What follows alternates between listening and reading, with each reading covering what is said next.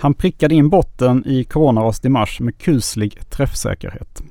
Tio år tidigare prickade han in botten i raset efter finanskrisen med samma träffsäkerhet. Han är en av Sveriges främsta och mest erfarna aktiemäklare och stockpickers med fem decenniers erfarenhet av aktiemarknaden. Jag sitter här i Placerarstudion med börslegendaren Winston Håkansson. Det är roligt att vara här tycker jag. Hur står det till annars idag? Jo, det är jättebra. Det är en härlig dag. Man cyklar runt i Stockholm. Ja. Och eh, Stockholm är ju kul att eh, se från cykel för det är liksom en helt annan grej. Du är känd för att kunna pricka bottnar och jag tänker på att vi ska gå in hur du tänker då. Men först ska vi prata lite om dig. Vem är Winston Håkansson? Ja, jag gick på Handels där jag eh, gick ut 1971 så att det var ett tag sedan. Mm. Och eh, då började jag ganska snart efteråt på Sparbankernas bank som idag heter Swedbank. Mm. Och jag blev faktiskt dit rekryterad för att eh, eh ta hand om deras eh, då obefintliga eh, institutionshandel med aktier. Och där var jag i tio år faktiskt. Mm. Och efter tre år så blev jag chef för fondavdelningen som det hette. Alltså man skulle säga en ja, Securities Department idag. Ja. Och, eh, och där var jag som sagt till eh, 1982. Mm. Då jag eh, lämnade banken och startade en egen fondkommissionsfirma. Och vad hette den? Den hette Winston Håkansson Company Fondkommission. Okay. Mm. Det var inte min egen men jag var huvudägare och förste chef. Mm. Och, eh, men vi var ett antal delägare och eh, efter några år så blev det som det blir ibland att vi kom inte överens om hur vi skulle expandera så att eh, Klassiker. Då så bestämde vi att vi säljer firman till någon annan och ASEA som det hette på den tiden mm. de var då i eh, expansionstakterna. De ville in i finansmarknaden så de har just köpt ett försäkringsbolag som heter Sirius och de har köpte något portföljförvaltningsbolag och så. så då, och då var det som så att eh, när, när ASEA skulle köpa oss då så jag satt och förhandlade då med Lasse Tunnell som då var finanschef på, på ASEA. Och eh, då så eh, sa jag till honom att jag vill inte att mitt namn ska vara kvar på firman när jag köpt. Ja men det är ju ett bra namn sa han, för det är ett inarbetat namn. Ja men jag vill inte det i alla fall så. Mm. Jaha, så vad ska vi heta istället då? Ja, men ni kan väl kalla det för, tänkte jag, vi har ju Stockholms fondkommission så att eh, ASEA kommer ju från Västerås så varför inte Västerås fondkommission? Mm. Och det tyckte inte han var så roligt men då sa jag att vi kan kalla oss för Aros fondkommission. Mm. Och när vi såg dagarna på och skulle fortsätta förhandlingarna så såg jag att det stod då Aros fondkommission. Det är det, det är det gamla namnet på... Så att då, då tog de med det namnet och mm. sen så var det så under ett antal år. Mm.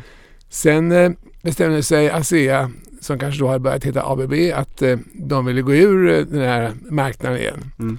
Så då sålde de Maros fondkommission och till ett danskt bankkonsortium. Okay. Unibank hette det väl då på den tiden. Och sen, så, ja, sen har det förlorat sig så att sen har jag inte någon koll på det riktigt. Okay. Men jag fick inte fortsätta att handla med aktier för att det hade varit för enkelt för mig att då starta en Winston Håkansson nummer två. Mm. Så att då så ägnar jag mig åt mitt andra huvudintresse, nämligen konst och antikviteter. Och vad spännande. Ja, och det har jag alltid varit road av. Mm. Och då så började jag med det. Och så mm. höll jag på med det i ungefär sex år. Och på vilket sätt höll du på med det? Ja, jag, jag, började, jag startade en liten antikaffär. Okej. Okay. Ja. Mm. och, som hette Antikea. Mm. Det var ett namn som Ingvar Kamprad inte tyckte var så bra. Nej. Det kan jag förstå. Mm. Men, men, eh, och sen så kom då Kuwait-krisen och då började ju eh, antikmarknaden, den gick ju liksom fullständigt stå då. Mm. Så att eh, något år senare bestämde jag mig för att det här går inte. Nej. Och då så startade jag istället en antiktidning. Mm. Och den hette Antikbörsen. Och eh, jag har alltid varit rolig att skriva nämligen. Och, och, så då blev det det. Så det blev min tredje karriär. Det blev liksom eh, media. Mm. Och det höll jag på med i 20 år. Mm. Tills vi sålde våra tidningar, det blev ett par stycken, till Bonniers. Och så var jag kvar ett par år som rolig farbror. Mm.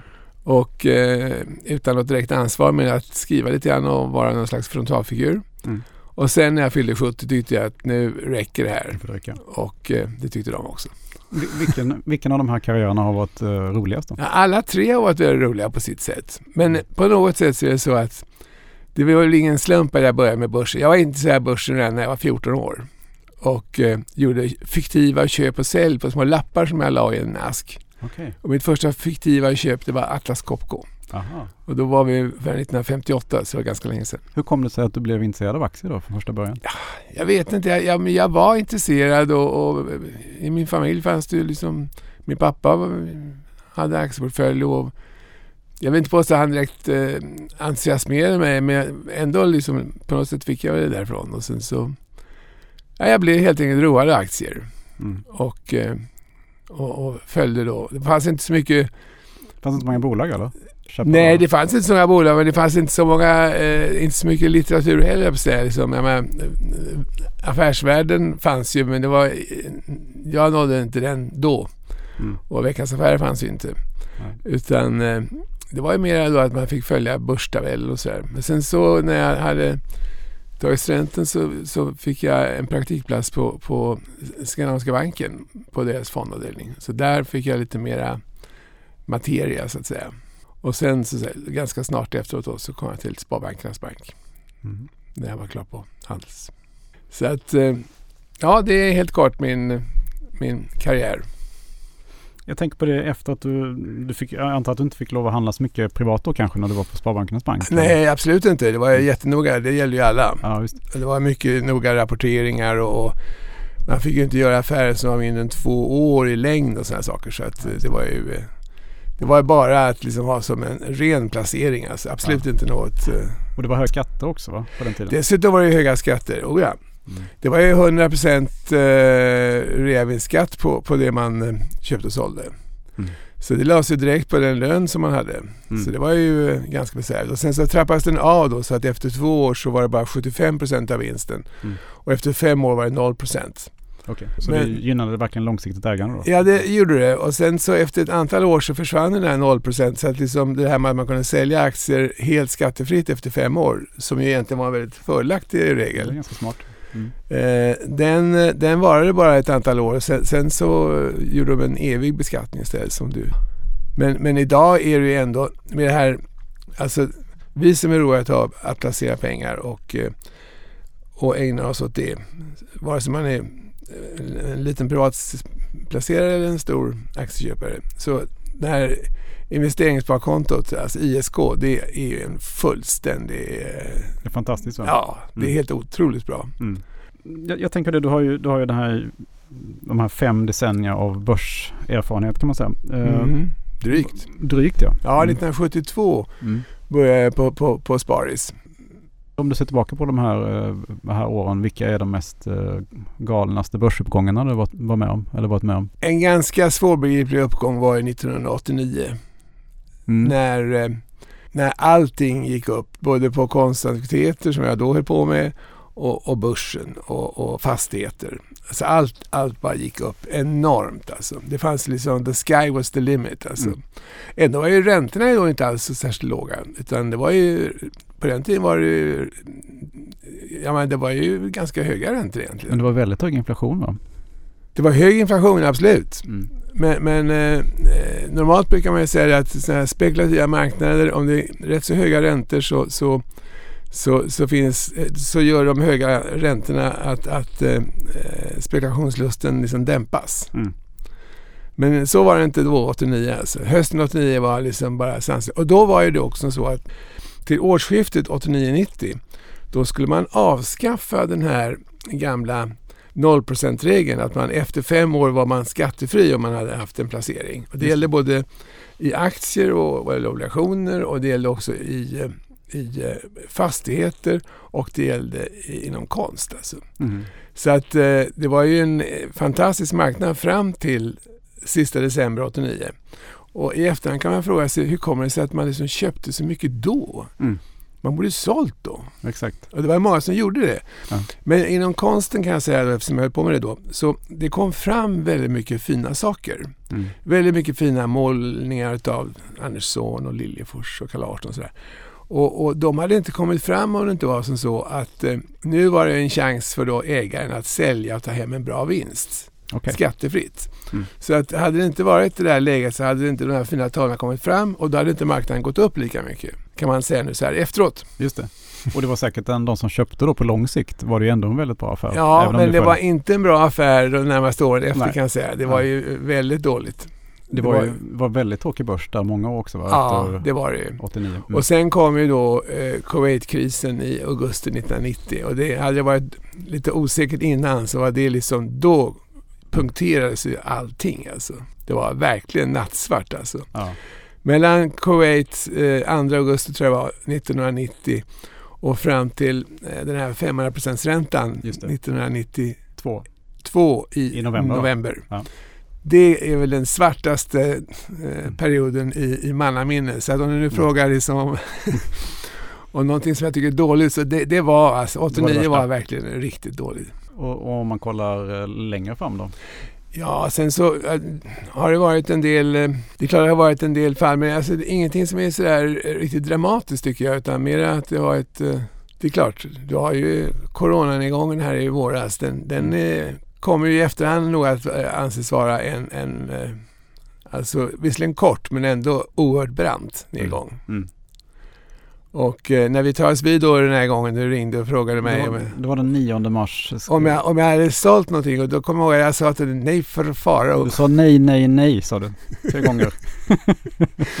Jag köpte faktiskt en aktie då Ja. som jag har kvar fortfarande och den heter eh, Genovis. Mm. Och eh, då tror jag att jag fick dem för 18 kronor. ja, Mm. det var väl bra. Det var mycket bra. Mm. Och jag hade haft dem förut, jag hade sålt dem för jag tyckte att liksom det var, jag gillar det här bolaget, jag har haft det i flera omgångar tidigare. Men så hade jag sålt dem och så bland annat då, för jag minskade lite grann då när det började gå ner. Och, och eh, sen i alla fall så när det var sådär riktigt dåligt då, då, då berättade jag för dig att jag köpte Genevis för jag tyckte att mm, det här var ju, eh, nu var det för billigt alltså. Mm. Varför tror du så mycket på eh, Genovis då? Nej, det var väl mer bara för jag kände till bolaget lite grann och, och, och jag hade sålt dem för inte så länge sedan och tyckte att nej, nu är det... Då hade jag väl sålt dem för kanske, jag vet inte vad, 24 kronor och sådär. Men Mm. i procent var det rätt mycket ner. Ja, det och, eh, och så tyckte jag, nej det här är liksom, nu är det hysteriskt helt enkelt. Det där kommer ju bli bra. Mm. Och det, det visste jag ju. Mm. Man kan aldrig säker. vara säker på att man prickar, man prickar aldrig botten, det är ingen idé att försöka en gång. Utan, men man ser att det här är för billigt och då kan man köpa. Du vet att det det är ungefär en botten, tänker du, när, du, när det går ner så mycket? Ja, alltså man tänker sig att, att eh, okej, jag får säkert inte ta mig till... Alltså min, min målsättning är aldrig att försöka pricka botten. Det gör man inte Det nämligen. kan man inte göra nästan. Inte en chans. Mm. Men däremot när man ser att det här är för billigt på lite sikt. Mm. Så vet man det att inom en eh, överblickbar framtid så kommer den här aktien stå mycket högre. Och Mm. det räcker ju för att köpa så att säga. Sen Mm. kanske man ändå var ute för tidigt. Eller Mm. för sent. Mm. Det kan man aldrig veta förrän efteråt. Köpte du någonting mer nu under coronaraset? Som du... Just nu minns jag inte riktigt. Eh, Jag kommer så väl ihåg just det. Det kanske var för att du ringde och jag hade just köpt det där så tyckte jag att det var så kul att berätta det. Men, men eh, Jag minns att du sa att du köpte Avanza också. just det. Men Avanza, jo men det är riktigt. Jag hade en, alltså jag har ju känt eh, Sven Hagström ganska länge. Vi råkade gå i samma klass. eh, På Handels. Nej, på, nej, han gick aldrig på Handels. han är duktig ändå. Mm. Men, men, eh, nej, men vi gick i Östra Real. Okej. Ja, vi började där som tioåringar. Så Jaha. att det var rätt länge sedan. Mm. Och, eh, men, men jag hade, jag hade köpt eh, Creades för, för att eh, eh, när, när eh, Sven bi- bildade det bolaget så tyckte jag att det var ett kul bolag. Och då, jag hade lite grann missat Avanza måste jag erkänna. Mm. Och tänkte att nu får man in Avanza till en bra rabatt också. Så att jag köpte en del Creades och Mm. de har jag kvar. Mm. Och, eh, men sen i alla fall så, så för ett år sedan ungefär så tänkte jag nej nu måste jag köpa Avanza för nu var det ju, måste det vara absolut läge. Mm. Och då så eh, råkade de ju faktiskt ett par år senare komma med, med en rapport som var bra. Och, eh, och sen har det bara gått uppför får man säga. Ja, det får man säga. Fantastiskt. Ja. Och, och, eh, men Avanza har ju alltid eh, varit en rätt så skojig aktie. Jag är ledsen att jag inte var med från allra första början när jag köpte dem. Men det, man kan inte vara med, man kan inte vara med Man på kan allt. inte vara först på allt. Nej, det går inte. Nej. Det är ingen idé att försöka ens. Men, men eh, så nu går jag bara och hoppas på att Avanza ska eh, göra att det blir möjligt även att handla i engelska och schweiziska aktier. Det är en, eh, det är en liten käpphäst. Det är väldigt tråkigt att inte det går. Men eh, nu när det går bra för Avanza så hoppas jag att man eh, så småningom ändå bestämmer sig för att göra det. Vad skulle du vilja köpa då för någonting om det fanns då? Är det Senaste Rocher gången jag, sådär, typ? jag brukar titta på engelska aktier då och då. Och se, senaste gången var det nog Anglo American som jag tänkte kunde vara lite kul. Gruv, eh, ja, gruvsektorn. ett av de stora. Mm. Och Anglo American äger ju då De Beers som är det stora diamant, Guld, äh, diamant förlåt. diamantbolaget. Mm. Ja. Så att det är ett av de stora företagen i, eh, på Londonbörsen. Mm. Sydafrikanskt slash engelskt. De Mm. har huvudkontor i London och i Johannesburg. Men det, det, är en, eh, det är en aktie som jag inte har men som jag nog skulle ha... Om, jag, om den fanns med eh, i Avanzas utbud så skulle jag direkt ha köpt den. Okej. Och, vad- och vad är skälet att den är så intressant då? Ja men de har, eh, de här stora gruvföretagen de är inte så farligt dyra än med. De som har varit igång länge. Sen finns det de som håller på att spekulera att de ska liksom bli guldaktier och sånt där. Men de tycker jag man kan glömma. Mm. Men, men alltså Anglo American har funnits i över 100 år. Jag tror att de startades 1910 av en herre som heter Oppenheim. Mm. Eh, och hans son Harry Oppenheim tog över efter honom. Oppenheimer. Och, så att de har ju funnits med väldigt länge. Och, och har eh, massor med fyndigheter. Och då blir det som så ofta med de här lite mer etablerade företagen att, att de, de, de följer marknadens svängningar och sen så blir det inte någon sån här jättepremie med dem men går, går, går förutsättningarna upp så går givetvis deras aktie upp också. Det tror jag kan hända. Men, men även jag tänker på så här diamantsektorn till exempel. Är den, är den extra spännande eller är den... Jag tror att diamantsakten har en slags evig eh, lyster. Det är klart, den är är ju cyklisk den också, men, men, men eh, den har, eh, den har en, en, en stor efterfrågan tror jag. Och sen i Schweiz så tycker jag att där finns det ett antal både läkemedelsföretag och banker och massor spännande företag faktiskt. Så att, eh, det är två marknader som jag verkligen saknar. Mm. Ja, vi, får, Diamansen. vi får hoppas att de kommer någon gång. Ja, det är bra. Vi har, vi har inte pratat om den värsta nedgången du varit med om. Var det 1987 eller? Ja, Var det- 87 var det ju en väldigt... Ja, ja. Jo, ja, den kommer jag mycket väl ihåg. Då var jag ju eh, konsthandlare, Mm. men hade naturligtvis en aktieportfölj också. Mm, såklart. Ja, och, vi hade ju sålt eh, fondkommissionsfirman så jag hade fått en slant. Mm. Och eh, då kommer jag så väl ihåg 19 oktober 1987. Mm. Jag hade varit med några kamrater och ätit middag. Det hade varit en sån här höstauktion på Bukowskis och jag hade köpt en tavla av eh, Munk. Det var, det var inte en av hennes, hans värsta tavlor på något sätt men den kostade i alla fall en två och en halv miljon någonting sånt Ja, där. det är en del. Mm. Ja, På den tiden särskilt. ja verkligen. Mm. Och, eh, och sen så när jag gick hem så vi åt middag då ett gäng som hade varit på Bukowskis så det var sån här kvällsauktion och sen så när jag gick hem så, så mötte jag två stycken eh, killar som jag inte alls kände men vi, vi började prata och då så sa de har du hört liksom att eh, Mm. det har gått ner, New York-börsen har gått ner liksom 450 punkter vilket på den tiden var väldigt väldigt mycket. Alltså det var ju 19,5 procent eller någonting sånt där. Oj, oj. Ja. Ja. Oj, sa jag liksom. Och jag tänkte att nu har, nu har jag gjort någonting riktigt dumt. Ja. Så att eh, dagen därpå så sålde jag allt jag hade i, i Stockholm. Jag hade inga utländska aktier då tror jag. eh, Utan, eh, Han du sälja utan någon stor förlust då, eller hur? Ja, alltså det blir ju förlust givetvis. Men, men ibland så måste man ju vara snabb. Mm. Och även om det då blir säg en 5-6 procents förlust eller det kanske var något mer. Men det var inte så mycket mer. Men det låter ju mycket med 5. Alltså Mm. 5 procent låter inte så mycket sådär va. Men det är klart över en dag är ju 5 procent rätt mycket. Väldigt mycket för hela Ja. portföljen, ja. Precis. Och, men jag insåg att det här kommer att gå ner mycket mer. Och, Mm. och det gjorde det ju också verkligen. Så att jag, Mm. kom ur, jag tror att jag kom ur på 5,5 procents förlust ungefär. Och sen gick du in igen ganska fort, eller? Och nej, det gjorde jag faktiskt inte. Utan då eh, kände jag att nej, det här, nu är det här, eh, känns det här inte så bra. Mm. Så att eh, jag var då helt likvid och eh, väntade ett bra tag innan jag gick in igen faktiskt.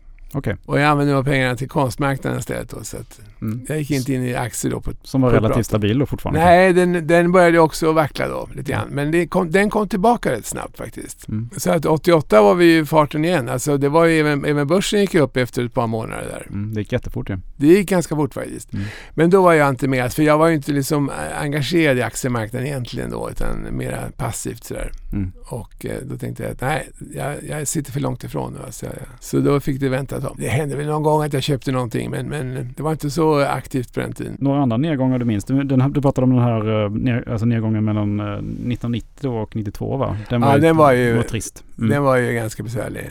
Mm. Ja. Och sen har vi IT-nedgången också. Sen kom ju eh, en annan mycket stor nedgång och det var ju eh, då eh, i mars 2000. Precis. Mm. Den kommer man ihåg. Ja. Ja. Den var ju tråkig börs fram till 2003 va? Ja, det var det. det var, där satt den i väldigt länge faktiskt. Och då var det också som så att eh, då var ju även fastighetsmarknaden ganska eh, illa ute. Just det. Och, och de där två har ju alltid gått lite hand i hand men liksom de, de tyngde varandra tror jag. Så det tog ett bra tag innan, innan eh, eh, innan marknaderna så att säga, kom igen där. Och jag vet inte vad det var som satte igång det. var med bara att liksom allt dåligt hade kommit ut till slut. Så att Mm. fanns det inget. Det är ungefär som när man har kräksjuka. när man Mm. det slutar så småningom av naturliga skäl. Ja. Så det var ju en svår nedgång verkligen. och sen finanskrisen. Och sen finanskrisen, abso- absolut. 2008 i oktober var det väl. Mm, som den började med Liman va? Som det verkligen tog fart Ja, neråt. just det. Lehman var redan i september. Mm, Just det. Eh, 13 september eller 15 september någonting sånt det. någonstans, ja. Och, nej, det var ju verkligen en, eh, var en kalldusch verkligen får man ju säga. Mm. Med tanke på Hur, hur agerade du under finanskrisen då hur, eh, nedgången där 2000, alltså, under 2008 då kom, då kom jag börja köpa igen.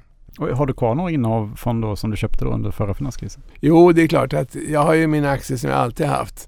Mm. Det är Lundbergs. Det är Lundbergs, okej. Ja men det är väl en bra aktie att alltid haft. Jag var med om när vi gjorde börs, vi, när jag hade då fondkommissionsfirman där Mm. så, så var ju Eftersom Lundbergs var med som delägare i vår firma så fick vi vara med och göra deras börsintroduktion 1983. Mm. Och eh, Så du den sedan 1983? ja, Ja. alltså eh, Lundbergs var ju med. Det var, vi hade fem externa aktieägare i, i vår fondkommissionsfirma. Mm. Och, och en av dem var ju Lundbergs. Mm. Och eh, jag kommer ihåg, Fredrik ringde upp till mig, där var jag mitt i sommaren 1983. Så du, sa han, nu ska vi få höra någonting här som du inte får berätta för någon, men vi ska börsnotera oss. Jaha, Mm. vad kul, så jag. Mm. Och ni ska vara med, ni i SE-banken ska göra emissionen. Mm. Ja, det var ju väldigt roligt, så jag. Mm. Så vi får köra igång med en gång. Mm. Och det här var liksom i eh, juli, jag var i Hangö med mina barn. Ja. det var bara att liksom att vika ihop och åka in till stan alltså. Mm. Så det var ju eh, lite besvärligt. Mm. Men, och de aktierna har jag kvar. Och, de måste ha, hur mycket har de gett sedan 1983? Vet du det? Det måste vara hur många gånger pengarna som helst. Ja, det är absolut, absolut. Ett antal gånger. Men det har ju varit en bra placering. En jättebra placering. Ja, och de, de, de får ligga kvar utav eh, Mm. flera skäl. Både, Men, men du äger mycket, du äger mycket investmentbolag va? ja, jag har ganska många investmentbolag och, och det, det beror ju på flera saker. Men för det första så beror det på att de i allmänhet, de äger, jag äger i alla fall, de är välskötta och har en bra, en bra liksom portföljfördelning. Och eh, de, de har ju gått bra och eh, så att det finns, de ger också en skaplig avkastning, inte alla men de flesta. Mm. Och, och, eh, så de har ju blivit, eh, det är en bra bas tycker jag att ha. Och när jag får frågan av olika kamrater, så här, vad ska man köpa nu? Så brukar jag aldrig säga att man ska köpa några andra aktier för det, jag vet ju inte när jag träffar dem nästa gång. Men, men, eh, men man kan alltid säga att de ska köpa Investor eller, eller eh, Creades kanske. Nu är just Creades är ju kanske lite dyrare just nu men Mm, det kan man säga. Eh, Vad, vad har du för investmentbolagsaktier just nu då? jag har Investor och Creades och eh, Lundberg som vi pratade om. Mm, Jag har också eh, Bure som ju har varit en fantastisk placering. jättebra. Ja, verkligen. Och sen har jag eh, det här småbolagsföretaget eh, ja, Svolder Jag sålde. Ja. Mm, också bra. som också har gått bra.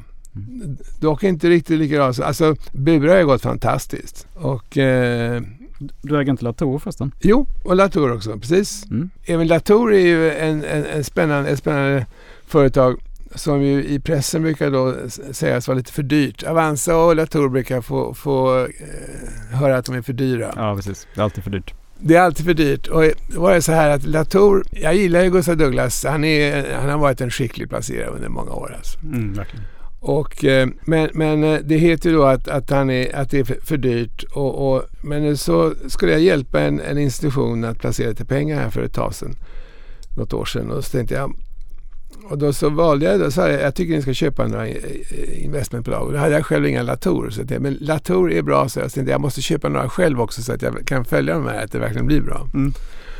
Och, eh, men, men är de inte för dyra då, fick jag höra. Ja, så här, de är lite dyra, men jag tror inte de blir så mycket billigare heller. Nej. Sen dess har de gått upp 40 procent. Ja. och det är bara något år. Ja, visst.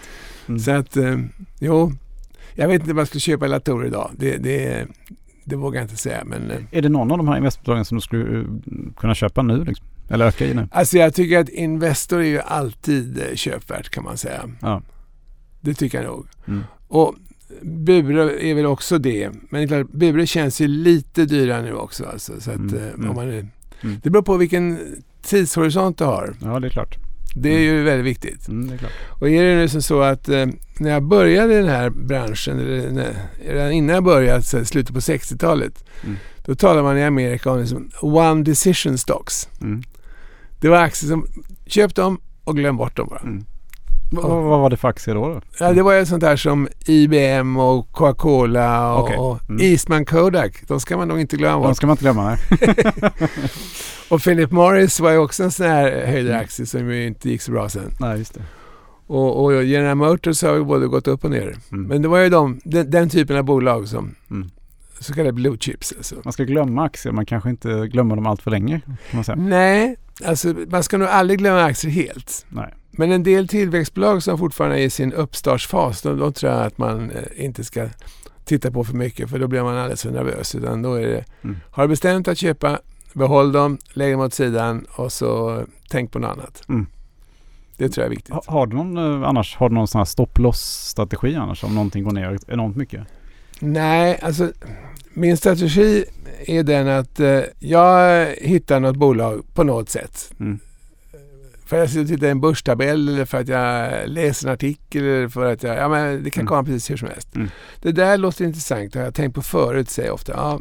Och så börjar jag att titta på det lite närmare. Och sen så, om jag då, när jag då har kollat nyckeltalen och tycker att det där är nog inte så tokigt, då, då köper jag i så fall gärna en liten post bara. Mm. För att den ska vara med En bevakningspost? en bevakningspost alltså. Det Mm. behöver inte vara så mycket. Bara för att den ska finnas med under Mm. radarn så att säga. Så att man, ska, man ska se den här. Ta då Latour till exempel var just en sån som jag köpte då för, för Mm. något år sedan. För att jag tittade jag måste ha den där själv också. Och, eh, och sen eh, och då vidtar ju liksom en, ganska aktiv period där man sitter och funderar. Ja, kanske man ska. Och sen så försöker man studera lite mer och, och olika saker. Och så, och så brukar jag då kanske öka på lite grann. Och så öka på. Och så, vare sig går upp eller ner. Så, man- vill lära sig mer om bolaget först. Mm.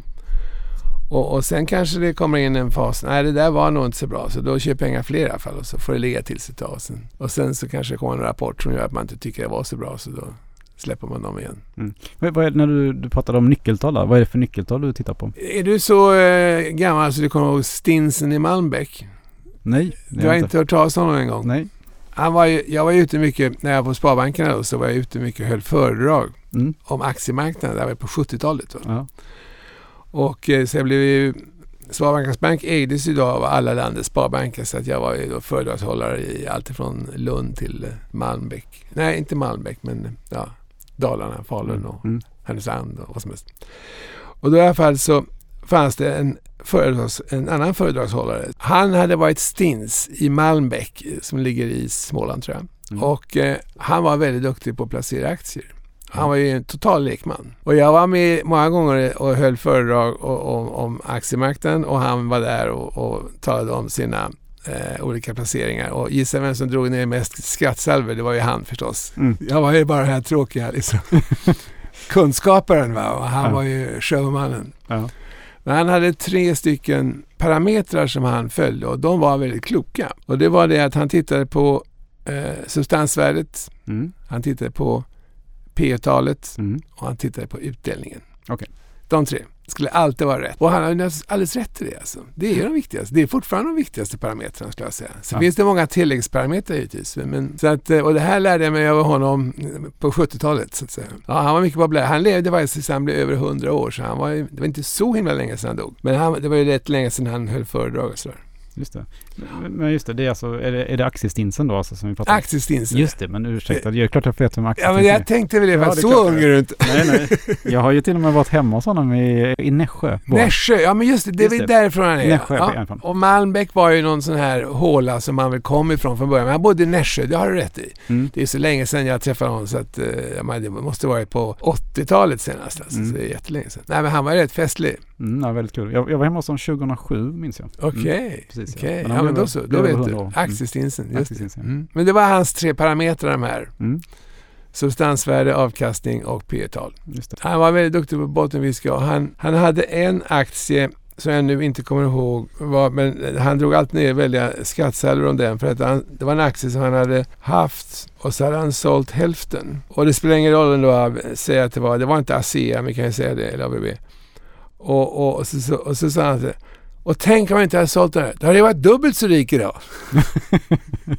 ja, men han var kul. Ja, väldigt, väldigt rolig och Mm. väldigt trevlig. Och väldigt, eh, alltså, eh, street smart skulle jag säga. Ja, verkligen. Du, om vi går till nutid då. Vad är din syn på börsen just nu? Ja, jag, är, jag är fullinvesterad. Ja, och mer än så eller? Eh, och jag är, ja lite kanske, det, det kan variera, men jag är fullinvesterad. Ja. Och, eh, och det är, eh, det är allt. Det är eh, så länge sedan jag varit aktiv på aktiemarknaden ska vi säga. Ja. Så, så eh, jag har väldigt svårt för att sälja aktier. Jag är ganska bra på att köpa aktier. Okej. Och då, då, eh, då blir man alltid fullinvesterad. Men ibland så inser jag att jag kan ju inte vara fullinvesterad. Jag måste ju sälja. Och Mm. då får man göra det. Mm. Men det är alltid svårt att sälja. För då, det är någon slags, att sälja är ju liksom ett oundvikligt avslut. Köper du en aktie så kan du alltid hoppas på glada tider. Mm. Men säljer du en aktie så då har du sålt den. Då är det borta. Mm. Ur den aktien i alla fall. Mm. Och det där är, kan vara ganska svårt. Svårt att skiljas från en aktie alltså. Ja, det är ju det. Man har skapat en relation med den och... Ja, och sen Och så den alltså. det ska ju till att man tycker att både ledningen och marknaden och allting är surt. Då, då kan man säga att "Nej, nu går jag ur det där. Mm. Men, men eh, ofta finns det liksom någon liten sån här eh, Mm. positiv sak som kittlar en och då gör Mm. man att man är i alla fall kvar. Men jag har lärt mig att hantera det också.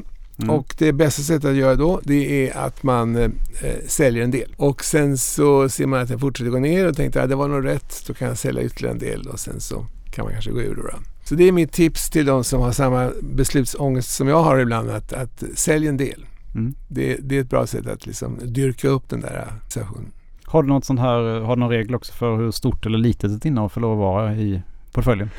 Ja, alltså jag tror ju på någon slags matematisk eh, komposition i, i min portfölj. Mm. Och, eh, så det ska vara en blandning utav eh, olika saker och eh, ja, tillväxtaktier och avkastningsaktier och, och eh, värdeaktier och, och, och eh, geografisk fördelning och, och Ja, det ska vara liksom gärna lite familjebolag och, och det ska vara eh, alla möjliga olika ingredienser. Så att, eh, men det var inte svar på frågan. Vad var det du frågade om? Frågan var ju om, om, om något, om innehav växer för stort. Om du, om du då till Ja, exempel säljer av Ja, så att säga. just eller, det.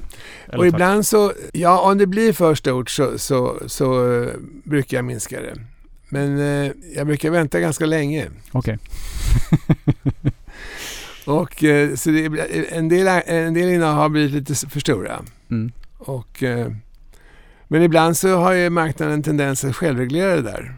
Det Jag så. tänker på Mm. att eh, en aktuell aktie som är Diamyd som jag köpte för inte så hemskt länge sedan. Jag var med en gång i tiden förra gången det begav sig för det väl snart tio år sedan. Då. Och jag såg att eh, ni hade skrivit om den. Och jag såg nu, eh, jag är givetvis prenumerant på Börsveckan också. Jag tycker det är en utmärkt tidskrift måste jag säga. Men eh, Diamyd var ju då, plötsligt så blev det väldigt stort. För jag hade köpt då rätt många aktier faktiskt. På runt 20 kronor då. Och, eh, så att eh, då tänkte jag att ja, den där aktien, det började lite för stort. Men då så löste det sig själv. För plötsligt så gick aktien ner kraftigt igen. Så då tänkte jag att eh, då behöver jag inte sälja. Perfekt. Jag tror att de går upp mer. Men, men om du ser på, så, på börsutvecklingen nu då. Hur tror du att, nu har det gått upp ganska mycket Ja, sen det har corona. gjort det. Ja, jo, det. När man ska försöka hitta nya aktier nu så är det svårare och svårare. Ja. Och det brukar ju vara en bra signal att då ska man ju faktiskt vända på kuttingen och börja sälja istället. ja. Så det är lite säljläge nu kanske?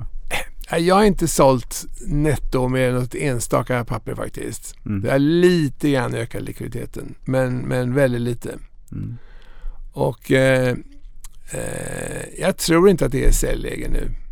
Men det är ju alltså inte något jättebilligt heller. Det är det verkligen inte. Och, och, eh, men det är de här, det är de här förbaskade räntorna. Alltså, om man säljer då måste man ju också hitta på någonting annat att göra med pengarna. Och eh, det är inte så lätt.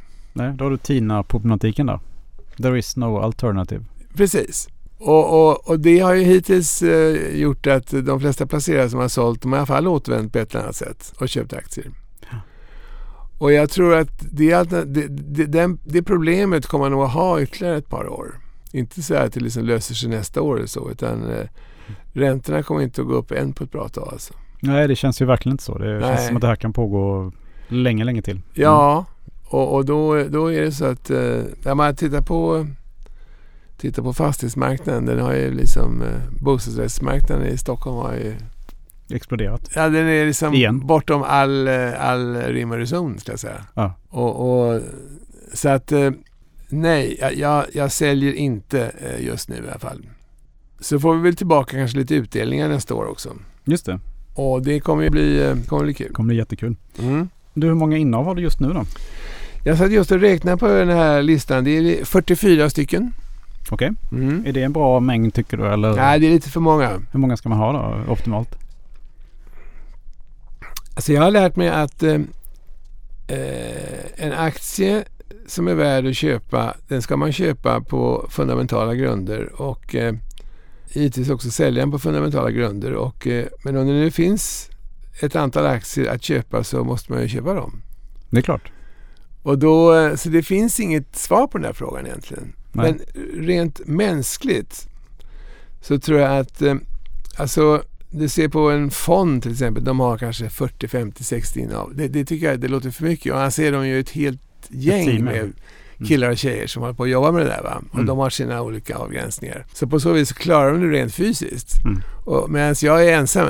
Mm. Och, och, och jag tror alltså att det finns någon gräns som går någonstans vid 40 papper och, och egentligen så är det nog färre. Men i mitt fall så är det ganska många aktier som jag har bestämt mig för. Det här tänker jag inte sälja så att jag behöver inte hålla reda på dem så noga.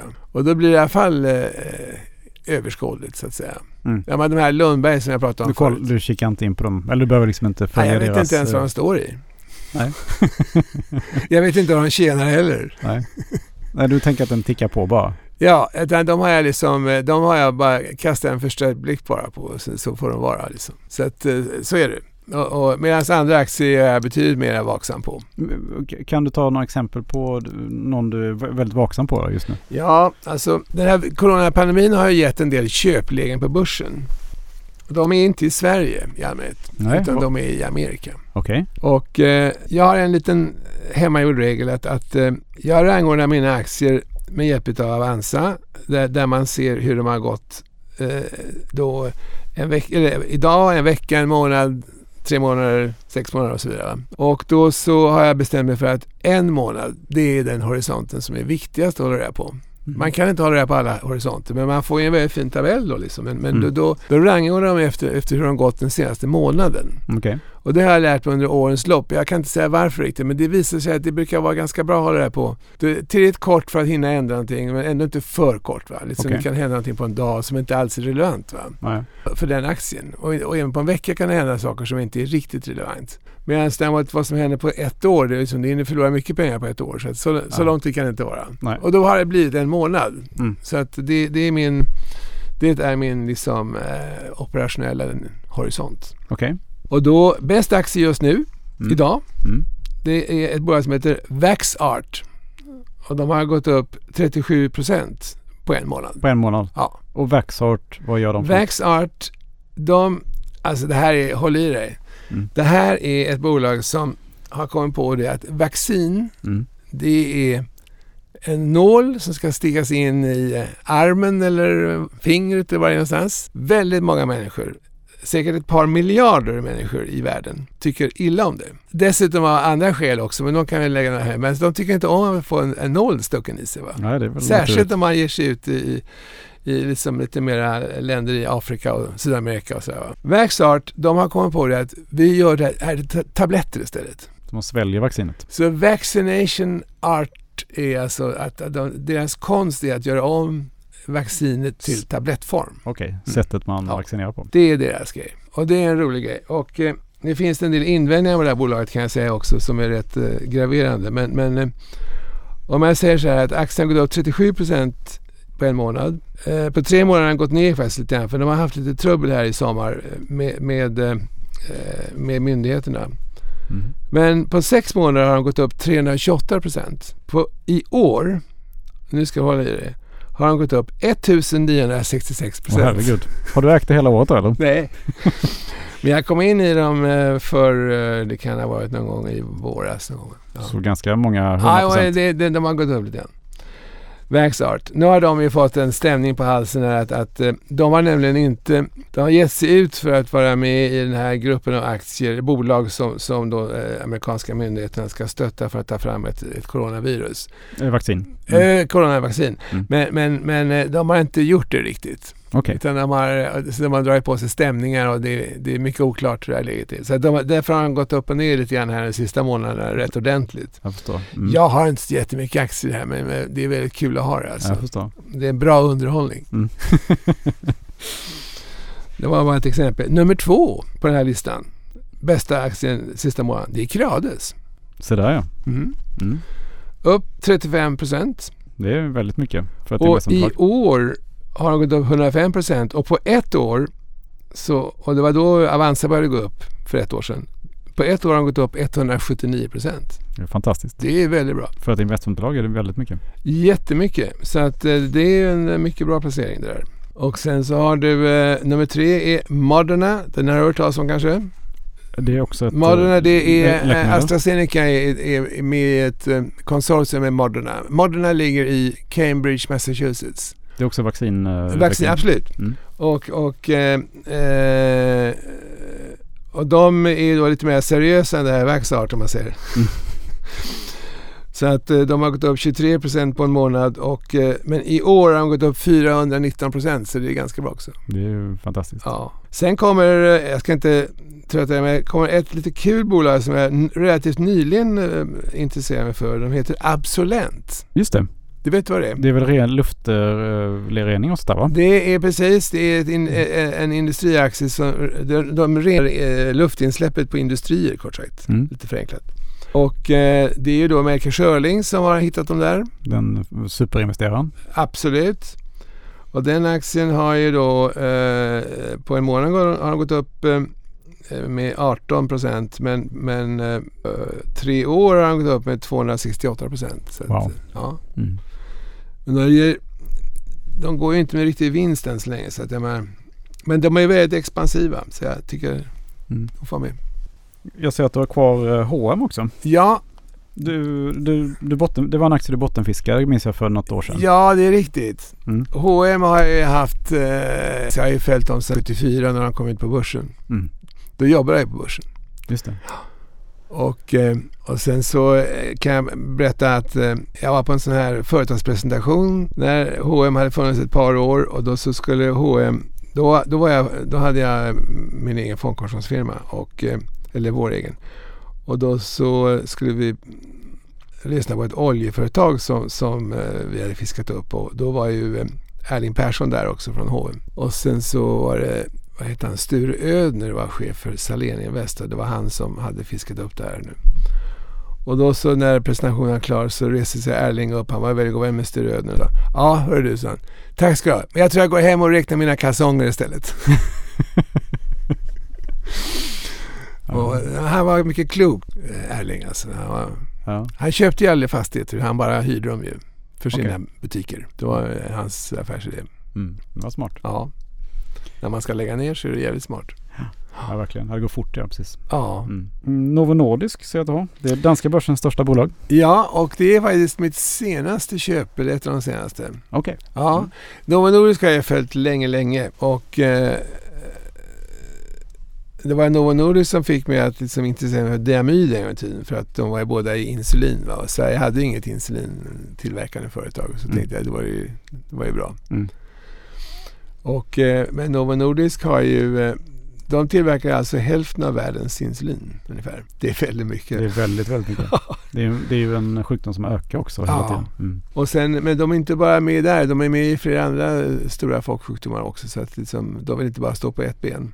Men det var ju Novo Nordisk som i sin tur, de startade det här Novozymes som idag är ett helt separat företag. Som, som eh, har halva världens tillverkning av eh, enzymer för industriellt bruk. Mm. Jättestort det är alltså. Ja, det är svårt. Men de, de äger inte varandra utan de är båda två ägda av samma stiftelse. Novo är liksom stiftelsen så har de Novo Nordisk och Novozymes som är liksom två ens, vars, varsin Mm. koncern. Men, men, Mm. Det finns väldigt många intressanta danska bolag. Ja, det gör det. Mm. Jag vet att du också är intresserad för det. Ja, det är klart. Ja. Mm. Jag är överhuvudtaget intresserad av mycket europeiska aktier. Då, Ja, det har jag också noterat. Ja. Franska och och tyska. tyska. Och, Och jag har sett det. Ja, det är Ja. kul. Ja. Vi har samma intresse kan jag säga. ja, vad trevligt. Men eh, du har några mer danska aktier? Ja, det finns ju massor. Eh, Genmab ser jag att du har här. Genmab har jag haft länge och den har ju verkligen blivit en... en, en eh, det går ju i vågor va, men, men alltså Genmab har ju... eh, De har ju en... eh, Det är ju cancerläkemedel Mm. och de har ju då sysslat med eh, uppdragsforskning för bland annat... eh, vad heter hon? Baxter. Mm. Så att eh, Baxter gick in och, och ja, betalade en slant, en ganska stor slant och sen så har, har Genmab fått fortsätta att vara tillverkare. Och så jag har en milstolpesförfarande att man betalar av. Och så, så det, de, de, är, de samarbetar ju fantastiskt bra och eh, Genmab har tjänat mycket pengar på detta. Mm. Chefen för Genmab, eller eh, ordföranden för Genmab, han heter faktiskt Mats Pettersson. Han är svensk, det kanske visste. Eh, Nej, det visste jag inte. Och han var ju chef för KB Vitrum en gång i tiden. Så det är där han har lärt sig läkemedelsbranschen. Jaha. Så sen gick upp i Upjohn, och sen gick upp i Pharmacia och sen, sen gick upp i Pfizer. Så liksom, Mm. Så många steg. Ja. Koloplast har du också. Ja, Danskt bolag. och de, de har också haft ganska Det länge. är som man kan glömma eller? Ja, alltså Coloplast är ett företag. Det är verkligen ett glömföretag. Ja. det har du rätt i. Det, är- det, det är förbrukningsvaror till sjukhus. Och det är, om du sätter det nu när jag tittar på Coloplast, och gud vad dyrt det är. Jag tror det ligger 70 gånger, alltså PB 70 och sådär. Mm, Hemskt. Alltså. Galet. Ja. Och Jag vet flera kamrater som, som är roade av aktier som säger likadant. Alltså Kolplast, jag har så många gånger tyckt det är ett intressant företag tills jag har tittat på dem, sett hur dyrt det är och avstått och sen alltid ångrat mig efteråt. Så det är, det är dyrt men det är bara att bita i sig. Det är bara att bita i äpplet. Tillväxten är så, så god helt enkelt. Ja, den är det. Och sen så, du vet ju vad de här danskarna gör nu rätt många när de, när de tjänar pengar. De köper upp sina egna aktier. Väldigt mycket alltså. Det ger ju effekt. Det gör ju det. Bättre än att dela ut pengar. Ja men det är fantastiskt. Jag ser att du har hittat uh, åtminstone minst en tysk aktie här ser jag snabbt. Det är ju, eller minst två. Ja, jag har ett par, tre Du stycken. har ju Fresenius. Uh, Just det. Mm. Det, är, det är ju njurdialys. Och sen har jag ett litet företag som jag faktiskt eh, köpte för inte så hemskt... Ja, var ju Är kanske... det Computer Group Medical? Just precis. Mm, det är mjukvara till uh, sjukhus och Ja, vårdinrättningar va? just det. Och men vad, de, vad som fick mig att eh, tända på dem är att de, de började med... Det har blivit så modernt det här med att du ska liksom via internet så ska du kunna eh, bota dig själv liksom. Du, Ja just det. I stort sett. Ja. Vård i hemmet bokstavligen. Va? Ja. Och, och, eh, och då, det där har de kommit rätt långt på. Liksom, så att eh, de, Mm. de, du kan bli eh, klient där och sen så ligger du hemma raklång liksom, och sen Mm. talar de om vad du ska göra för någonting. Okej. Ja, det är, ja just det, du har ju Deutsche Post också ju. Mm. När köpte du den aktien? Den köpte jag någon gång i, eh, ja det var i år i alla fall. Det var under, uh, jag tänkte att den gynnas av Corona också eller? Deras, de, de äger ju DHL som är mycket Just det, så var det. Det var riktigt, precis Mm. så var det. Mm. Det har jag glömt bort nu. Ja, Det var helt, helt rätt tänkt. ja. Mm. Och, eh, och de- har ju haft, eh, och när man ser på, på, på eh, kursutvecklingen där så, så, så det var ju rätt så stillsamt där ett bra tag. Och sen så plötsligt så blev det lite fart i dem. Ja, det, är ju, det har ju vuxit väldigt kraftigt nu då sista, Ja. sista tiden här. Och sen så, eh, ja, vad finns det för favoriter då kan man fråga sig. Alltså en, ett, en aktie, utan att nu rangordna dem direkt, men en aktie jag kommer att tänka på mycket som jag gillar. Det är Nokia. Okej, Och- hur kommer det sig då? Jo, alltså, nu är det, så, det är en lång historia, men, men Nokia har ju varit en fantastisk, från stövlar till, till eh, elektronik och Mm. telefon, telefoni. Va? Mm. Och, och, eh, eh, men de har ju, eh, nu finns det egentligen bara tre, fyra bolag som, i västvärlden som, som är av någon format inom, inom telekomindustrin. Va? Ja, det är Nokia och Ericsson och sen, så det finns ju knappast något kvar i Amerika, gör det? Och sen den här British Telecom, eh, jag vet inte hur stora de är. Jag kan inte dem riktigt. Nej. Men Nokia har ju definitivt eh, lyckats ganska bra. Nu har de fått lite nytt folk i ledningen. Och för en skull så, så har de eh, en, en, eh, en VD som inte har ett finskt namn utan ett svenskt namn. Så just nu kommer jag inte ihåg vad han heter. Men eh, alltså de är fantastiska på att ta fram lösningar och jag tror att den här aktien kommer att bli eh, jättebra. Men Mm. jag kan inte säga just någonting konkret just nu. Jag bara ser det framför mig att de är väldigt metodiska. Alltså. Och, och, så det, det är en av mina små favoriter. Okej. Då jag ser en aktie här som jag eh, inte riktigt förstår. Det är det här Sjöstrand kaffe som du har. Eller Sjöstrand Coffee, ursäkta. Det är mitt garanterat minsta bolag. Ja, okej. Och då kan man fråga sig, hur hittar man ett sådant bolag? Ja. Jo, det finns ju många sätt att, att eh, hitta bolag. Ett sätt är att man sitter och tittar i börstabellen Mm. och så plötsligt ser man en aktie rör sig jättemycket. Mm. Och då kan man inte låta vad är det där för någonting? Och då så eh, gick jag in och tittade på det här och då var det, då var det där Sjöstrand och då var de liksom, de hade varit nere på en sån här lista som eh, du vet, man inte kan stava till nästan. Nej. Och, eh, och de finns på Ingarö och tillverkar kaffemaskiner som de låter tillverka i Kina. Och det är inte någonting märkvärdigt med dem, men de har en rätt bra design. Men vad, vad jag fastnade för var att de här ampullerna som Nestlé till exempel eh, kör med. Sjöstrands ampuller de är helt komposterbara. Det är smart. Det är smart. Mm. Då tände jag. Okej. köpte den. Den har gått bra sig i alla fall. sen- Ja, ja visst. Senaste Men det är fortfarande väldigt lite bolag. Och det var ju bara amatörer som skötte det där. Men nu har de fått professionell, eh, en professionell VD och, och professionella människor i styrelsen. Så, så att nu håller det på att hända saker. Men man, jag hittade den där när de stod i 30 öre och de står väl en krona någonting nu. Du, när vi pratade för ett eh, knappt år sedan så ägde du eh, AXA minns jag. Det franska försäkrings... Eh, Europas största försäkringsbolag. AXA ja, Mm. just det. Och de släppte jag nog, det var faktiskt en av de aktierna som släppte när corona-pandemin började. Då Mm. tänkte jag att den där måste, rätt eller fel, jag fick bara för mig att försäkringsbolag kanske inte är så bra nu att ha när, när, det, Mm. liksom, när det börjar röra sig. Så att de, Mm. de släppte jag då De faktiskt. har släppt. För du har ett eh, franskt bolag. Det Dano, ja, Danone ja. Danone, ja. Precis. Mm. Och de har inte gått så bra enligt den här statistiken. Men, men, och jag, jag har satt ett litet frågetecken för dem längst ut i marginalen. Det är ett par bolag som jag har lite uppmärksamhet på. Mm. Tänkte du skulle fråga om dem. och Danone, de har jag... Alltså där är det så att produkten har fångat mitt intresse för länge, länge sedan. Va? Mm. Du, du, är du i Frankrike så finns det här Yoghurt, Danone-yoghurt där. Va? Ja, visst. De är jättebra. Jättebra är de. Mm. Väldigt goda. Och de, de har en stor marknad. Och sen så, det verkar inte hända så mycket. Jag förstår inte att det inte ska gå bra. Så jag köpte dem mest för produktens skull. Och så tänkte jag nu väntar jag på att se om det händer någonting eller om jag Mm. har fel. Så där har jag inte gjort någon räkenskapsanalys direkt. utan Det är en ren produktobservation. Eh. Jag förstår. Ja. Mm. Så får vi se hur det går. Men, men eh, de har inte övertygat riktigt kursmässigt. Det kan jag ju Eh, säga. Överhuvudtaget franska börsen har ju varit väldigt trög alltså Ja. i år. Den är ju fortfarande Och över 20 jag- procent. Mm. Jag, finns, jag har haft ett antal olika franska aktier. För jag gillar ju franska aktier. Ja, visst. För att de har så kul produkter. Ja. Ja, Hermes till exempel gjorde en Mm. väldigt bra vinst på. Men de har jag sålt. Funderar på eventuellt köpa tillbaka. Men jag tycker de är lite dyra. Och ett annat bolag som jag har haft för länge sedan. Det var ju L'Oreal. Även de är ju också dyra. Men eh, det, det Det är så lyx, eh, lyxaktier. lyxvaror. Ja.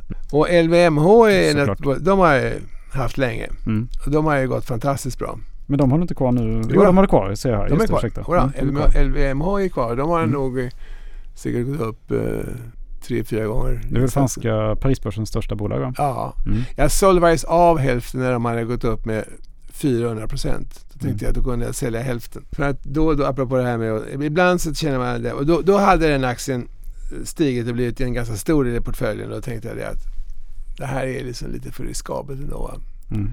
Men jag tror att den här Bernard Arnault, han, han eh, går, den här kursen ner, han köper bara fler. Han verkar ha hur mycket pengar som helst. Ja. Rikast i Frankrike i alla fall. Och just det, och då så gick han och, och försökte köpa Tiffany. Mm. Och det retade jag mig lite grann för jag tyckte Tiffany var en väldigt bra aktie. Det var synd att han skulle förstöra, ta bort den från börsen. Mm.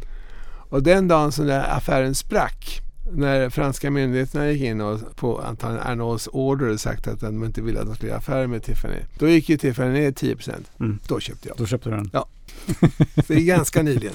Okej. Det var i somras. Ja, just det. Jag minns det.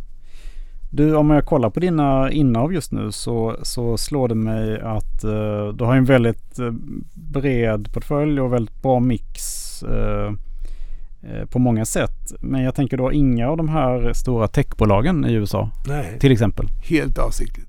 Det är helt avsiktligt. Helt Vad är skälet till det då? De här fangbolagen, de känns ju... Ja, de var ju jättebra för tio år sedan och sådär. va. Men, men eh, nu tycker jag att de är alldeles för dyra. Okej. Allihopa. Mm. Ja. Jag hade, den senaste jag hade var väl Amazon. Det är väl kanske ett par, tre år sedan. Mm. Två, tre år sedan. För jag såg ju hur han marscherade fram. Men jag tror att när Jag köpte dem när de låg lite drygt, knappt 1000 dollar. De stod lite 3000 dollar någonting sådär. Någonting. Jag, vet inte. Ja, drygt 3000. jag gick in vid 1000 ungefär. Knappt 1000 var det. Och jag hade dem kanske till ja, dubblade kursen. Någonting sådär. Sen släppte jag dem. För jag tyckte att liksom, det, det, det går inte att räkna hem där. Nej. Och, och, eh, och sen så, om man nu får vara lite personlig, så jag, jag, jag tyckte att Jeff Bezos, han var ju rätt duktig va, men samtidigt så, jag gillar inte hans, eh, hans stil med, med sin arbetskraft alltså. Nej, De får okej. inte vara med i föreningar, inga fackföreningar, ingenting sånt där. Mm. Det är omodernt. Ja, visst. Det är inte bra.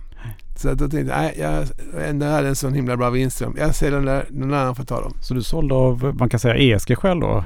Det? Ja, alltså ibland etisk, jag vill inte kalla mig för direkt etisk, men, men man, man har ändå vissa liksom humanistiska synpunkter på saker och ting. Mm, mm. Och jag tyckte inte det där var särskilt bra. Nej. Och, och då så, om jag sen skulle få frågan någon gång varför har du sådana här aktier så skulle inte jag kunna svara på det. Nej. Insåg jag att det är lika bra att sälja. Ja, vad intressant. Och det, jag, menar, jag har aldrig haft aktier i Philip Morris till exempel av samma skäl. Däremot så har min, min yngsta dotter som jag hjälper att sköta portföljen hon har påpekat för mig att jag har Nolato. E-cigaretter. Och det tyckte inte hon om. Okej. Så att den portföljen som jag sköt åt henne, den, da- då sålde jag Nolato åt henne men jag behöll min egna. Mm. Nej, det är en sån liten del utav, men det var ju ett tag var det väldigt omtalat. Verkligen. Du har handlat Embracer också ser jag här.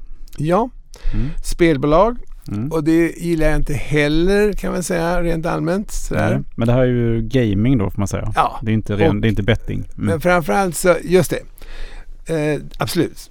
Och, och, och, och sen fanns det då en grej med de som jag gillade också, affärsidén där. Och det var att, och då var de ganska små och rätt obetydliga. Och det var att de köpte upp gamla usla eh, spelbolag, eller gamingbolag. Mm. Och, och sen så restaurerade de dem och la ut dem på marknaden. Mm. Så de köpte rätterna utan någon som eh, för, för ganska billigt. Va? Och sen så fiffade de upp det och så ut med det på marknaden. Det var en skitsmart idé. Mm. Genialiskt. sen, eh, sen har de ju stigit väldigt mycket. Men, men eh, Mm, verkligen, verkligen. Och det är mycket institutioner som har gått in och köpt. Ja, det är det. jo, men jag Mm. bestämde mig för att jag behåller dem där. Jag hade, jag hade mycket fler förut så, så jag minskade lite grann och sen tänkte jag att Mm. den där får vara kvar. När vi pratade igen, återigen för ett år sedan här så minns jag att du sa att du hade inga fastighetsbolag i portföljen men att du funderade på att köpa huvudstaden. Ja, Nu ser jag att huvudstaden ligger här. den kom in så småningom men det tog ett tag till. Mm. Men det var väl i våras någon gång. Då var den här aktien nere i eh, under 115 kronor, 112 och sånt där. Jag tror att jag köpte den på 113. Där, där någonstans så köpte jag inte så himla många, men ändå. Och, eh, nu har de i alla fall gått upp eh, lite grann. Mm. Och, eh, och bevekelsegrunden var att eh, de sitter på Sveriges bästa Lägen. lägen. Och du kommer aldrig att skapa sådana lägen mera. Nej. Utan eh, det kanske går lite trögt ett tag. Jag, tror att alltså fundamentalt så är det en viss risk i det här. Mm. Eh, med kontorsytor som, som plötsligt så börjar folk att jag hemma och eh, nu har vi sen just sagt att H&M kanske klarar sig men, men, men det är inte säkert att de kommer behålla alla de här fina lägena. Nej. Och eh, många andra liksom eh, eh, vill inte ha sådana här fina lägen. Alla de här franska Chanel och sådana här som ligger befolkar Birger Jarlsgatan. Det, det är inte säkert att de kommer vilja vara kvar där va. Då, just där tror jag i och för sig att de kommer vara. Men, så att eh, den orosfaktorn finns ju där. Men, men eh, det finns inget bolag som har tillnärmelsevis det läget som, som eh, huvudstaden har. Mm. Så jag tror att det kommer att det blir bra. Det blir bra. Mm. Eh, Jag ser att, men du har, eh, just det vi sa ju att du ägde ingen tech. Men du har ju i alla fall en, eh, vad ska man säga, gammal amerikansk tech. Eller som var gammalt. IBM. Ja just det. Ja. Mm. Men då är vi nere på eh, värdeaktier. Det har blivit en värdeaktie helt enkelt. Det har blivit en värdeaktie. Mm. Mm. Och, och de är ju, eh, det är ju ett ganska stabilt företag. Dessutom så, det är ett rätt stort företag. En av de här One Decision Stocks då från 60-talet. Och då var de dyrare. Och, eh, men, men eh, eh, och så plötsligt så, så hittar de någonting som de kan sälja, vilket de annonserade här häromdagen. Då. Det gick de upp 5 dollar. Just det. För det var någonting som de skulle kunna få liksom 20 miljarder för. Mm. så det finns ju rätt mycket värden i ett sånt här bolag. Alltså. Och det glömmer man bort. Man tror att det bara är ett techbolag, men det är ju inte det. Utan det, Det var det. Nej, det finns massor. Så att det finns nog flera sådana bolag som har rätt mycket tillgångar. Alltså. Sen just det, sen gillar du också, eh, du gillar, har ju en förkärlek för eh, eh, privatbanker va? Ja, Och det beror väl på, du- din På egen min- erfarenhet? på min gamla erfarenhet. Ja, alltså jag har ju inga svenska banker. Nej. Det har jag inte haft på rätt lång tid. Och, och, vad är skälet till det? Bara, eh, Ja, det ursprungliga skälet var att jag tyckte att, att eh, fastighetsmarknaden började bli övervärderad och så, så var det risken att de skulle få göra kreditförluster på det. Mm, just det, för de är så tunga. Svenska banker är ju så enormt tunga Ja, i just bostads... Väldigt tunga i bo, boende. Och, eh, men den andra frågan som jag tycker är, kanske är, inte är så observerad. Va? Det är det att eh, eh, idag så går det ju väldigt lätt för svenska banker, liksom för de flesta andra europeiska banker, att eh, refinansiera sig från den internationella marknaden, på dollarmarknaden. Vi såg ju hur det plötsligt eh, darrade till lite när, när eh, det var lite skandaler i Baltikum. Och det berodde bland annat på, inte bara att det kanske då var väldigt dyrt att eh, göra förlusterna, men någonting som var ännu värre. Det var att man skulle bli portad till refinansiering i, på dollarmarknaden i Amerika. det skulle Katastrof om vara det fullständig katastrof alltså. Ja. Total. Ja. Och nu verkar det som att det har klarat sig, men man vet ju aldrig riktigt. Och rätt vad det är det någon ny klantskalle som är framme. Så att eh, eh, jag har inga svenska banker. Och inga skandinaviska banker ska jag säga. För att eh, jag känner en viss oro för det här. Inte för att det, är inte akut något, men jag, jag avstår. Det skulle, kunna, det skulle vara så förödande om det hände helt enkelt. Ja, Det skulle vara väldigt förödande. Mm. Inte bara för själva banken utan för hela marknaden. Allting skulle Mm. gå åt skogen. Mm. Så att, eh, ja, jag väntar. Så, så, så istället har du, äger du till, till exempel JP Morgan då? Jag äger JP Morgan och, och det är som jag ser det en av världens bästa banker. Mm. Det är en stor och stabil bank. Den har kursmässigt inte gått särskilt bra. Det var bra ett tag men det har liksom satts lite igen. Mm. Men, men eh, det är i alla fall en bank som jag betraktar som eh, safe as the Rock of Gibraltar nästan. Mm. Och sen finns det några andra banker som jag har varit med i också som, eh, det är inte en bank då men, men Lazards Just det, Lazards. Mm. som ju är väldigt duktiga och även Rothschild i, i, i Paris. Mm. Rothschild är då, du som gillar franska aktier, det, det är Mm. inte faktiskt bara den gamla eh, kompani eh, Rothschild utan det är också Enron Rothschilds från London. Den är in, eh, infusionerad i den där banken som nu är noterad i Paris. Så Okej. att till engelsmännens förtret så har deras engelska gamla fina bank eh, fått eh, fransk adress.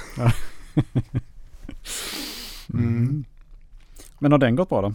Rothschilds? Ja, den, nej den har inte gått sådär särskilt bra faktiskt. Det har den inte gjort. Eh, men nu har den ju, i år har den tagit sig rätt så skapligt. Mm. Väldigt skapligt faktiskt. 30% på sex månader säger jag. Ja, Mm. jo, den har gått upp. Den är, men jag har inte gjort någon större vinst på dem faktiskt. Utan, eh, Du har satt ett frågetecken vid Gilead Sciences. ja. Mm. Vad, vad, vad tänker du där då? jo, alltså det är ju ett eh, stort framgångsrikt amerikanskt läkemedelsföretag. Och, eh, men de har, och de har ju tagit fram ett, ett eh, läkemedel som heter Remdesivir. Just det, som Trump nyligen fick. Mm, men det var inte, jag trodde också det var det, men det var ett, ett, ett, ett ämne som låter väldigt likt. Aha. Mm. Men du har rätt ändå. För att Remdesivir sa då eh, Gilead, jag kan aldrig lära mig uttala Gilead, Gilead heter de. Så här. Det, det är lite svårt att uttala kan jag säga. Det heter inte Gilead utan Gilead säger de. Gilead ja. Sciences. Ja. Och eh, de, de gjorde alltså eh, det här Remdesivir för, eh, vad heter nu den här andra, inte svininfluensa men vad heter det? Ebola. Ebola, tack. Mm, just det. det var de väldigt duktiga på. Och Remdesivir kommer därifrån. Och då var de så fräcka som sa vi kan skänka, eh, för de hade kvar ett restparti Remdesivir som inte har gått åt. Vi kan Mm. skänka eh, ett antal spannar med Remdesivir till, Mm. till, till världens eh, sjukhus. För att man har konstaterat att det hade i alla fall en fördröjande effekt. Så att man liksom, eller rätt sagt en mildrande effekt på, på patienterna. Så att istället för att man, en normal patient som fick eh, covid-19 eh, insjuknade då i, normalt i om det är 20 dagar eller något sånt där. Och om man behandlar med Remdesivir så får man ner den här, det här sjukdomstillståndet från 20 till 14 eller 11 eller sånt där. Så det är liksom, det är en mildra, det är en klar mildring men det är inte någon det är inget vaccin så att säga. Nej. Men det är, man, man underlättar för vården rätt mycket. Så ett tag var det här väldigt populärt och då tänkte jag, då köpte jag Gilead bara för därför. För det, det bolaget har då i motsats till många andra företag så har de rätt så sunda eh, nyckeltal. Okej. Du har CTC Systems också säger jag. Ja, och det är ju då, det har varit ett lysande företag. Mm. Det är, ja, du vet vad det är? Ja, det är väl Väsk- Vätske... är det fukt till luft till, till luftfukt, flygplan va? luftfuktighetsreglering av flygplan. Just En fantastisk eh, svensk uppfinning jag förstår Mm. och eh, det har gått jättebra. Det är inte så bra nu. Det är inga flygplan som, eh, eller ingen som flyger ju. Nej, Mm. så att jag, jag, jag känner mig väldigt osäker på den här aktien. Den, den kan bli den kan bli försäljning. Det är väl typiskt en, en turnaround eh, så fort som eh, det finns ett vaccin som fungerar. Ja. Mm. Just det. Och när produktionen kommer igång igen. Ja, så att eh, det är möjligt att jag, menar, jag har egentligen missat nedgången. Jag, jag, jag följde. Så där ser man att 40 aktier är lite för mycket. Mm. Vad är Giga för något då? Det har jag faktiskt aldrig talat om. Nej, det, är- det, är en, en, det är en jätteliten post. Och den, de hette förut True Heading. Och de sysslar med det är, ett, det är ett lots, det är ett lotsföretag. De sysslar, med en elektronisk lotsanläggning Okej. för, för sjöfarten. Alltså. Ja, jag förstår. Alltså i... i eh, Ja, och de har ju lyckats. Det som fick mig att, att tända på dem då, det var, det var så här riktig penny stock. Alltså. De stod liksom i 19 öre. Men, men, men vad, vad, jag fick, vad som fick mig att intressera mig för det, det var att, att eh, de fick eh, beställningar från den amerikanska försvarsmakten. Okej. Det där lät ju jävligt intressant. Mm. Men det, jag vet inte, det har inte blivit det. Nu har de visserligen gått upp så att nu, nu är det i och för sig nu, nu har jag vinst i dem. Jag tror att jag går ur dem där snart. Aktien är upp 121 Ja. procent i år. Så att eh, man säger att de där 19 öre som jag köpte för, de, de ligger väl kanske i någon krona nu då. Det var rätt länge sedan. Det var länge sedan. Eh, jag minns också förra året när vi pratade så hade du köpt aktier i Peptonic. Mm. Och du pratade om det här med att kvinnohälsa var ett tema som kunde vara intressant under många år framöver. Ja, så- det gäller fortfarande. det ser det fortfarande ja. Ja, och de har ju köpt på sig ett finskt företag eh, nu i eh, senaste, ja, vintras då, förra vintern. Som eh, också är kvinnohälsa. Det är så här, eh, om man ska vara lite eh, off the record, säga. En del kvinnor tycker inte om att använda sig av menstruationsproppar som man får in, utan då Mm. har de istället en liten kopp. Ja just det. Och den här koppen, den gör, fanns ett, finns företag som heter Loomis som gjorde dem. Mm. Och de har nu Peptonic köpt upp. Okej. Så nu har de liksom börjat verksamheten. Så de kommer satsa på kvinnohälsa. Och det är ju, tror jag, en jättemarknad. Och som inte någon pratar om så mycket. Det är lite så här, man, det, det är inte tillräckligt fint att prata om sånt va. Men det, Det kommer nog. det kommer absolut alltså. Så att eh, Peptonic tror jag är stenhårt på. Ja. Och särskilt om man tror att, eh, ja, eh, om man ser på inkomstutvecklingen bland yngre personer Mm. i, i städerna i USA till exempel så ju, tjänar kvinnor, yngre kvinnor nu mer pengar än vad männen gör. Intressant. Så att det finns ju också en, en sån utveckling. Att, Ja. att kvinnor har mycket mer pengar idag än Precis. vad de haft Mm. tidigare. Så att det tror jag är en jätteviktig trend. Ja, nej, det där är ett eh, papper som jag tror mycket på. Men nu är ju de i en konsolideringsfas efter det där köpet det här finska företaget. Och så, så att, Jag förstår. Ser du några andra sådana här stora trender? Om man säger så här att jag är en ganska långsiktig placerare och eh, för att inte säga mycket långsiktig. Och, Mm. och då gäller det att man har eh, en långsiktigt komponerad portfölj så att säga. Som, som, då gör det inte så mycket om någonting är fel för att det, allting måste bli... Det, det, statistiskt sett så kan man inte undvika att man gör fel. Nej. Men om man har ett antal aktier så, så kan man då, okej vi offrar den där för den där var inte så bra. Mm. Och, och, så det är väl min långsiktighet liksom som att man, man har en, en massa av företag och sen så då och då så ser man, nej det där var inte så, vi får ta bort den. Alltså. Mm. Resten får växa istället. Mm. Det, det är väl liksom själva huvudfilosofin. Och så blandar man då med värdebolag och tillväxtbolag och olika länder och olika branscher så har man liksom på både längden och bredden. Just det, du undviker ju, du undviker väl eh, Kina till exempel så jag har. Ja, det finns inga kinesiska företag i min eh, portfölj. Nej, just det, det sa jag också. Ja. Och eh, det finns inte heller så många verkstadsaktier om du har tänkt på Nej, det. det säger jag också. Mm. Och då tänker jag så här att, att eh, dels så har jag, jag, jag tror jättemycket på alla de här gamla fina ABB och Atlas, Atlas Copco. Copco, ja. Mm. Första Atlas. Copco är en superfin aktie, min första aktie. Och, och sånt. Men, men, men eh, nu ligger de i Investor och Investor är min i särklass största portfölj. Mm. Det är den största andra portföljen. Den, den är Mm. ungefär 15 procent av hela min portfölj. Så det är ganska mycket. Ja, det är mycket. Ja. Mm.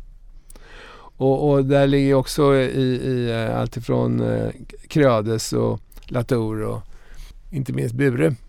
Så, så finns det rätt mycket industriföretag också. Apropå ESG, jag ser att du har Altia. Just det. Mm. Finska alkohol... Ja men alltså det är inte bara för att det är sprit utan eh, de har ju eh, en av deras storsäljare det är O.P. Andersson. Mm. De har, de har flera svenska eh, märken som de jobbar med. Och, så att det, är väl, det är väl ett uttryck för, för breddning. Om du är observant så ser du också, men det är bara en ren slump att jag har inga norska företag. Men jag har haft. Så det är inte så att jag inte gillar dem. Utan det är, men men eh, eh, jag hade Wilhelmsen ganska länge. Mm. Men de, Rederiet. rederiet ja. Mm. Gammalt fint rederi. Men, men det, det, det blev inte så mycket av det där så att jag Nej. släppte dem. Du har heller inga, om jag kollar här så, jo men du har ju Pictet Clean Energy ser jag. Du har något, någon form av energi har du. Jag tänker ny Ja. energi, energiomställningen där. Ja, Mm. exakt. Nej, jag har inte så mycket energiaktier faktiskt. Jag har haft Mm. den här, det är den enda fonden jag äger, så den här Pictet, eh, vad heter den? Eh, Clean Energy. Clean Energy, ja just det. Pictet är ju som jag ser det en av världens bästa portföljförvaltare. Schweizisk bankirfirma i Genève. Och eh, de är superduktiga. De kan man ju tyvärr inte köpa aktier i. Men Nej. däremot så kan man köpa deras fonder. Deras fonder kan man köpa. Mm. Och menar, det har hänt att jag har till exempel varit inne i Ryssland vid ett par tillfällen. Mm. Och då, då när det var lite, nu tycker jag inte om Ryssland och det där, men, men när det var liksom tillväxt i Ryssland, det här är rätt länge sedan då. Och, eh, och då så tänkte jag, jag kommer aldrig kunna hitta rätta ryska aktier att köpa. Utan då köpte jag Pictets eh, ryska fond. Och Mm. det var lysande alltså. Det gick eh, strålande och hade jag i flera år. Sen släppte jag dem. Och, och, eh, men Pictet är duktiga på det. Jag har också haft läkemedelsaktier som de har plockat upp jäkligt bra. Alltså. Så de är, de är, de är vassa. Så det finns ju några sådana här fondförvaltare som jag tycker är ganska bra. Morgan är bra också. Men Mm. Pictet är nog bäst. Tusen tack för att du, du ville vara med och berätta om dina aktier och dina livserfarenheter. Tack själv eh, Carl. Och jag tycker att det är kul att läsa om dig eh, när jag läser Placera och, och eh, via Avanza då. Eh, det- Jag har noterat att du följer ett antal europeiska marknader rätt mycket. Du gör små tabeller Mm. och med kurser och, och P-tal och, och, och eh, de där brukar jag studera väldigt noga. Så att, eh, Det var kul. ja, kul att få träffa dig. Mm. Detsamma. Mm. Tackar. Hej.